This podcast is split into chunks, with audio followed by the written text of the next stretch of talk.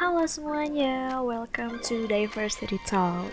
Bersama aku Fiona, di episode perdana ini aku pengen destigmatize atau menghapus stigma masyarakat soal LGBT dengan mengundang seorang psikiater, Dr. Andri. Halo dok, aku mau berdiskusi nih soal LGBT.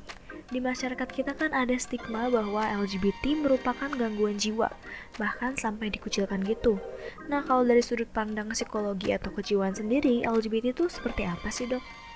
Iya, yang paling pertama yang harus saya tegaskan, di sini saya adalah dokter jiwa ya, bukan uh, seorang psikolog. Jadi saya ini adalah dokter jiwa atau yang biasa disebut psikiater gitu. Nah, di dalam ilmu kedokteran jiwa sebenarnya LGBT ini terutama yang homoseksual ya. Uh, jadi artinya kan LGBT itu singkatannya tuh cukup banyak ya. Lesbian, uh, gay, bisexual, and transgender. Biasanya kita sebut kalau di dalam uh, kehidupan sehari-hari itu memang lebih dominan ke homoseksualnya gitu ya, yang banyak diomongin tuh. Nah kalau di dalam konteks ilmu kedokteran jiwa, homoseksual sendiri itu bukan merupakan gangguan jiwa gitu. Jadi kalau kita berbicara tentang masalah gangguan jiwa kan kita tahu bahwa gangguan jiwa adalah gangguan pada pikiran, perasaan dan perilaku manusia gitu. Nah, LGBT ini dalam konteks hal ini adalah homoseksual itu tidak termasuk ya dalam gangguan jiwa gitu. Dalam pedoman diagnosis gangguan kejiwaan baik dari Amerika DSM-5 maupun dari uh, Indonesia PPDGJ 3 dan di internasional atau yang disebut ICD-10 itu tidak ada itu uh, istilah bahwa yang menempatkan homoseksual sebagai gangguan kejiwaan. Bahkan di kalangan dokter sedunia sekalipun di World Medical Association dikatakan bahwa homoseksual itu bukan gangguan kejiwaan, itu adalah varian ya, varian normal aja gitu dari ya. ada orang ya perempuan suka sama laki, ada laki suka sama perempuan, ada juga perempuan suka sama perempuan, laki suka sama laki-laki gitu. Itu aja gitu. Jadi orientasi seksual itu adalah keragaman gitu. Jadi bukan hitam putih seperti laki sukanya harusnya perempuan gitu. Perempuan harus suka laki-laki yang Ya tidak begitu. Namun saya memahami bahwa konteks ini mungkin di masyarakat kita agak sulit diterima gitu. Karena kebanyakan pasti akan mengira bahwa homoseksual itu adalah masalah kejiwaan gitu. Jadi itu sesuatu konteks yang lebih banyak ke nilai value atau uh, sosial masyarakat. Saya kira demikian. Oke, jadi di ilmu kedokteran jiwa sendiri, homoseksual itu sebenarnya hanya sebuah varian aja gitu ya dok? bukan suatu penyakit seperti yang misalkan sebagian orang asumsikan gitu. Iya, apalagi dikatakan suatu penyakit ya tentunya tidak, ya, karena memang uh, bukan seperti itu kenyataannya. Nah, sebenarnya kalau menurut dokter sendiri, kok bisa sih masyarakat tuh memiliki stigma-stigma yang sedemikian rupa untuk teman-teman LGBT? kayaknya kalau kita melihat uh, secara konteks yang dulu itu nggak ada masalah sebenarnya gitu ya. Mm-hmm. Cuman mungkin kalau dibenturkan dengan nilai-nilai agama, apalagi saat ini kayaknya tuh gerakan teman-teman LGBT di seluruh dunia itu sangat masif ya.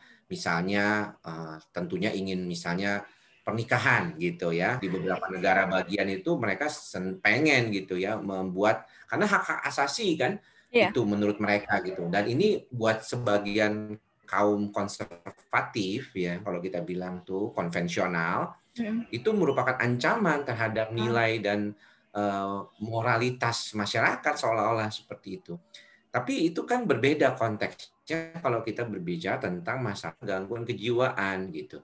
Oh. Kalau dibilang bahwa emangnya bukannya itu gangguan jiwa dok? Enggak dong. Tapi hmm. apakah orang yang homoseksual ini atau teman-teman LGBT ini lebih rentan mengalami masalah kejiwaan? Iya, ya betul. Ya mengapa demikian dok? Mungkin karena stigma di masyarakat, tekanan, ketidakmampuan untuk terbuka apa adanya, ya selalu mencoba menyimpan sesuatu yang agak sulit ya. Kalau yeah. kita misalnya saya sering kali bertemu dengan orang tua yang datang bawa anaknya yang homoseksual dan minta oh. diubah gitu ya.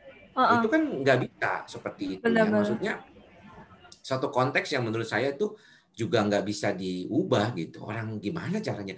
Nah, cuma nih eh, manusia itu sering kali itu suka lupa atau kita juga masyarakat suka lupa bahwa ada perbedaan antara orientasi seksual dengan perilaku seksual. Karena kalau saya lihat konteksnya kalau di media apalagi ya, apalagi kalau teman-teman yang ngomong soal LGBT, terutama hmm. homoseksual ya, Benar. itu banyak selalu mengkaitkannya dengan perilaku homoseksual. Hmm. Misalnya sodomi gitu oh, ya, iya, anal iya. seks dan segala macam. Jadi lebih kayaknya tuh fokusnya seolah-olah cuma itu doang gitu. Padahal enggak. Lebih luas ya, lagi ya. Seksual itu, iya, orang yang heteroseksual, orientasinya heteroseksual bisa melakukan hubungan uh, homoseksual seperti perilaku homoseksual oh. misalnya dengan anal seks misalnya seperti padahal konteks sendiri kita melihat kan kesehatan jiwa secara keseluruhan. Jadi nah. saya sih sebenarnya mendukung kesehatan jiwa LGBT gitu ya Hmm. mereka juga perlu mendapatkan uh, kesempatan ya untuk menjadi apanya mereka, apa adanya mereka, sehingga mereka uh, bisa menjadi lebih baik dan tidak mengalami masalah-masalah kejiwaan karena itu. Oke, berarti asumsi masyarakat bahwa homoseksual adalah gangguan jiwa itu justru sangat salah karena justru mereka lebih rentan mengalami gangguan kesehatan mental akibat dari stigma masyarakat dan perilaku masyarakat kepada mereka gitu. Ya, saya kira itu yang sering kali terjadi kita di, di masyarakat gitu ya. Karena ah. tekanan keluarga, kemudian juga ketidakmampuan penerimaan ya dari uh. dari diri mereka sendiri. Karena gini, nggak semua yang homoseksual itu bisa langsung menerima loh, ya. Karena dia tahu kan kalau dia punya orientasi seksual yang berbeda daripada yang biasanya orang awam itu apa alami gitu ya itu akan mendapatkan tekanan, akan mendapatkan kesulitan gitu ya. Dan mereka yeah. tuh tahu. Makanya saya kadang-kadang suka bingung kalau ada yang bilang ah homoseksual itu pilihan gitu. Oh, iya, Bagaimana iya. caranya gitu pilihan? Nah, iya benar. Ya, dan ada juga orang yang bilang oh itu karena masalah uh, pergaulan. Hmm. Ada yang bilang masalah pola asuh, ada yang masalah perilaku. Hmm. Sebenarnya kalau ditanya penyebabnya apa sih dok? Gak ada yang tahu sampai sekarang. Ah. Jadi kita ah, jangan suka so tahu. Benar. Iya benar. Setuju sih, Dok. Nah, aku juga pernah dengar nih, Dok, katanya identitas gender atau orientasi seksual itu sebenarnya bawaan lahir, misalkan dari kromosomnya gitu. Nah, kalau dari dokter sendiri sebenarnya seperti apa sih? Kita ini bagaimanapun uh, mempunyai perbedaan. Masing-masing manusia itu unik, individu, ya. Kita punya hmm. bawaan genetik dari ayah dan ibu kita, seperti itu. Makanya kalau kita bicara tentang masalah genetik, kita akan mewarisi dari ibu dan bapak kita. Bapak ibu kita akan mewarisi dari siapa? Dari kakek dan nenek kita kan. Terus ah, seperti iya. itu. Nah, jadi kalau kita bicara tentang uh, masalah bahwa orientasi seksual itu berarti ada hubungannya dengan genetik, Dok. Nggak ada yang bilang begitu. Ya, penelitian-penelitian terakhir tidak bisa menemukan satu lokus atau satu bagian di otak ataupun satu gen yang berkaitan dengan homoseksualitas. Tidak ada. Ah. Lalu kenapa seperti saya misalnya kenapa gampang rontok dibandingkan teman-teman saya yang masih hmm. usianya sama-sama 42 gitu. Ya, karena mungkin menurut kita beda-beda genetik orang itu. Kenapa ada hmm. yang bisa diabetes di usia muda, ada yang meninggal. Itu ada genetik bawaan sendiri-sendiri. Tapi penentunya memang kita tidak bisa pahami gitu. Makanya kalau dibilang apa sebabnya? Apakah ini bawaan genetik? Kita nggak bisa bilang begitu. Jadi apa dong? Ya ini diversity aja. Kita tahu lah bahwa keragaman hmm. gitu ya. Jadi ada gitu orang-orang seperti ini. Bahkan kalau di luar negeri nanti ada istilah Q, queer, LGBTQ, which is artinya sesuatu yang agak sulit diomongin gitu. Maksudnya apa tuh dok? Ya pokoknya dia nggak bisa tahu identitasnya. Dia cewek apa cowok oh, gitu. Dia okay. suka laki apa suka perempuan. Queer itu artinya kan banyak sekali. Hmm. Makanya kalau dibilang dengan perkembangan ilmu saat ini, pemikiran yang lebih moderat, lebih liberal, memang mungkin akan melihat bahwa konteksnya itu jadinya lebih luas. Bukan cuma laki-laki sama perempuan, laki harus suka sama perempuan, perempuan harus suka sama laki, tapi, tapi lebih luas daripada uh. itu. Sebenarnya kalau di kalangan ya itu jadi sesuatu hal yang baru kan, hmm. karena kita tuh sering kali melihat sesuatu yang tidak sama dengan kita itu sebagai yang abnormal. Nah, kembali lagi ke masalah yang tadi, Dok. Kan tadi sempat dibilang ada yang pernah bawa anaknya yang homoseksual ke dokter untuk minta diubah gitu. Nah, aku jadi keinget pernah dengar soal terapi konversi. Pendapat dokter sendiri soal itu gimana? Jangan. Saya yeah. tidak setuju sekali ya uh, hmm. gitu. Jadi uh, saya tidak setuju dan menentang adanya terapi konversi. Tetapi kalau misalnya ada beberapa orang yang mungkin ya menginginkan ya misalnya kayak tadi saya bilang bahwa homoseksual itu ada yang ego distonik. Jadi sebenarnya dia tuh nggak mau nggak mau jadi homoseksual. Tapi dia nggak bisa gitu. Kayaknya tuh mau suka perempuan tuh nggak bisa. Kalau saya Hmm. laki-laki bisa suka perempuan tuh nggak bisa. Hmm. Dan itu ego distonik itu mengganggu. Nah itu butuh terapi. Dia bisa depresi karena itu. Oh. Tetapi kalau dia memang ego sintonik, dia bisa menerima dirinya apa adanya, itu ya nggak ada masalah. Hmm. Kadang-kadang kita bilang bahwa nggak selalu kok orang itu harus ya, misalnya menikah gitu, ya kan, dan harus punya keturunan gitu, ya kan. Banyak juga sekarang kan anak-anak muda menikah tapi nggak mau punya keturunan Nah, iya gitu, udah banyak mulai banget. mirip kayak Iya. Jepang gitu kan contohnya gitu.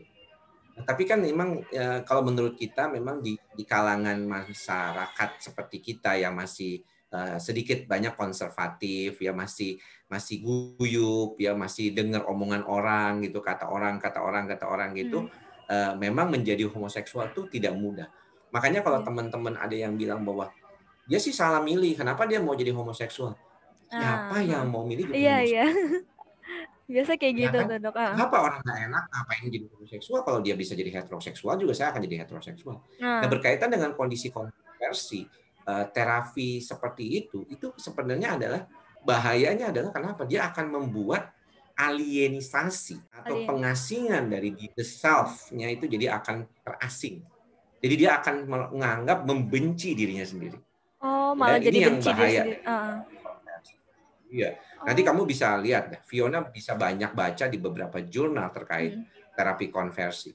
Nah, kalau misalnya ada yang bilang, eh itu contohnya tuh ada tuh temen gua tuh, baik tuh, ya dari iya. ah. eh, homoseksual, kemudian dia kan keterlibatan, misalnya dia mungkin terlibat pergaulan jelek, dia jadi homoseksual dan kemudian sekarang dia kembali ke jalan yang normal. Saya bilang berarti itu bukan homoseksual benar, ya kan? Iya, iya. Kenapa dok? Loh, kalau dia bisa berubah-berubah begitu, mah berarti bukan homoseksual. Mungkin dia Ah. berperilaku homoseksual. Orang yang benar-benar homoseksual, orientasi homoseksual nggak bisa berubah-berubah begitu. Hmm. Jadi kalau misalnya ada yang begitu, saya ya saya memang nggak terlalu melihat banyak orang mau berdiskusi tentang ini ya. Pokoknya kalau misalnya diskusinya dibawa ke ranah yang pokoknya di agama gue nggak boleh. Oh ya udah, Ah, saya itu juga nggak mau. susah. macam-macam. Benar-benar. Maksudnya saya menghormati ya. Saya juga orang yang beragama ya. Hmm. Saya menghormati itu. Jadi saya kira eh, kita tidak berdiskusi, berdebat dalam konteks agama gitu. Tapi kalau dalam konteks kesehatan jiwa, di dalam konteks eh, kedokteran, di dalam konteks eh, kehidupan eh, yang lebih baik, tentunya saya akan mengatakan bahwa ini bukanlah suatu masalah kesehatan jiwa sebenarnya. Menjadi masalah kesehatan jiwa kalau hal-hal tadi seperti dipaksakan untuk terapi konversi, kemudian ada stigma dari masyarakat, ketidakmampuan untuk menerima dirinya apa adanya. Nah, di situlah uh, peran psikiater sepertinya akan sangat uh, dominan untuk dibutuhkan Hmm. seperti itu. Nah, aku mau cerita sedikit nih, Dok. Aku punya teman, dia tuh pernah berada di hubungan yang abusive, si cowoknya ini kasar. Akhirnya setelah putus, dia tuh merasa trauma, si ceweknya ini trauma, dan akhirnya dia jadi lesbian gitu. Nah, sebenarnya itu tuh ada hubungannya nggak sih, Dok, trauma dan orientasi seksual? Sebenarnya kalau dibilang seperti itu yang tadi saya bilang berarti Hmm. temanmu itu mungkin hanya mencoba mencari pelarian. Ah, sebenarnya bukan Atau ah, ada ah. kan beberapa pasien, saya jujur ya kalau misalnya berbicara dengan pasien, seorang biseksual misalnya, Hmm. biseksual suka cowok suka uh, perempuan juga. Terus dia tanya pendapat saya gimana? Kalau pendapat saya saya bilang dengan masyarakat Indonesia yang konservatif seperti ini dengan nilai-nilai sosial budaya dan nilai-nilai masyarakat yang ada yang kita anut, saya lebih memilih Anda lebih baik mengalihkan perhatian atau mengalihkan orientasi Anda ke lawan jenis. Ya, Iya. kalau kamu mau hidupnya lebih nyaman, lebih tenteram, kuatkanlah di orientasi yang lawan jenismu. Jangan gitu. Itu kalau kita bicara dengan ya. seksual, biseksual. Hmm, tapi kalau homoseksual saya cuma bilang Anda bisa terima atau enggak. As long as you Ah. cannot accept yourself, and it will be trouble for you. Wah. Gitu ya. Jadi benar. agak sulit sebenarnya eh, kondisi seperti ini kalau misalnya kita memaksakan kehendak kita. Yang Hmm. paling berat itu adalah kalau tidak ada yang mendukung. Nah, iya itu biasanya banyak mendukung ah, dari keluarga. masyarakat. Nah, sebelum kita tutup nih dok, kira-kira ada nggak sih pesan-pesan yang pingin disampaikan buat teman-teman LGBT atau tentang kesehatan mental secara general? Ya, masalah kesehatan mental itu adalah masalah yang bisa terjadi pada siapa pun, ya, kepada kita semuanya. Ya, saya juga bisa mengalaminya walaupun saya seorang psikiater. Dan pada kondisi ini teman-teman kita yang LGBT itu lebih rentan mengalami karena memang mereka di dalam eh, konteks eh, kesehatan secara keseluruhan WHO sendiri menempatkan eh, teman-teman LGBT ini di dalam suatu kelompok yang rentan mengalami masalah kejiwaan dan masalah kesehatan secara umum. Hmm. ya termasuk HIV AIDS kemudian juga penyakit menular seksual. Sehingga ah. kita harapkan kita dapat mengedukasi mereka dengan baik gitu ya. Dan juga kita bisa memberikan keamanan dan kenyamanan buat mereka supaya kesehatan jiwa mereka tuh juga baik. Ah. mereka mampu eh, menerima dirinya apa adanya seperti itu. Tetapi kalau yang memang membutuhkan bantuan kalau misalnya tadi saya bilang homoseksual yang ego distonik istilahnya yang tidak merasa nyaman dengan uh, dia mengalami Dirinya atau dia menjadi itu diri sendiri gitu dan dia boleh segera mencari bantuan ke terapis uh, yang okay. bisa membantu untuk uh, menerima keadaannya dan mungkin menjadi dia lebih baik lagi ke depan. Ya, jadi perlu kita garis bawahi juga sebenarnya mencari bantuan ke profesional seperti psikolog atau psikiater itu sebenarnya sama sekali bukan hal yang salah ataupun yang memalukan gitu. Sangat tidak salah. Ya, saya kira konteks saat ini apalagi teman-teman muda seperti kalian ya, Eh, di usia-usia generasi Z, generasi uh, apa milenial itu sudah sangat uh, lebih apa ya kalau kata bilang lebih lebih lebih terbuka lah ya, hmm. lebih open ya terhadap yeah.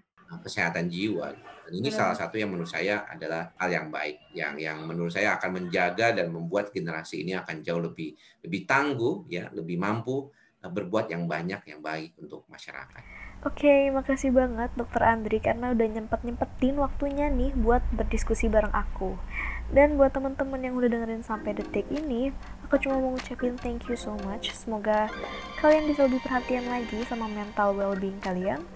And have a great day and let's celebrate diversity.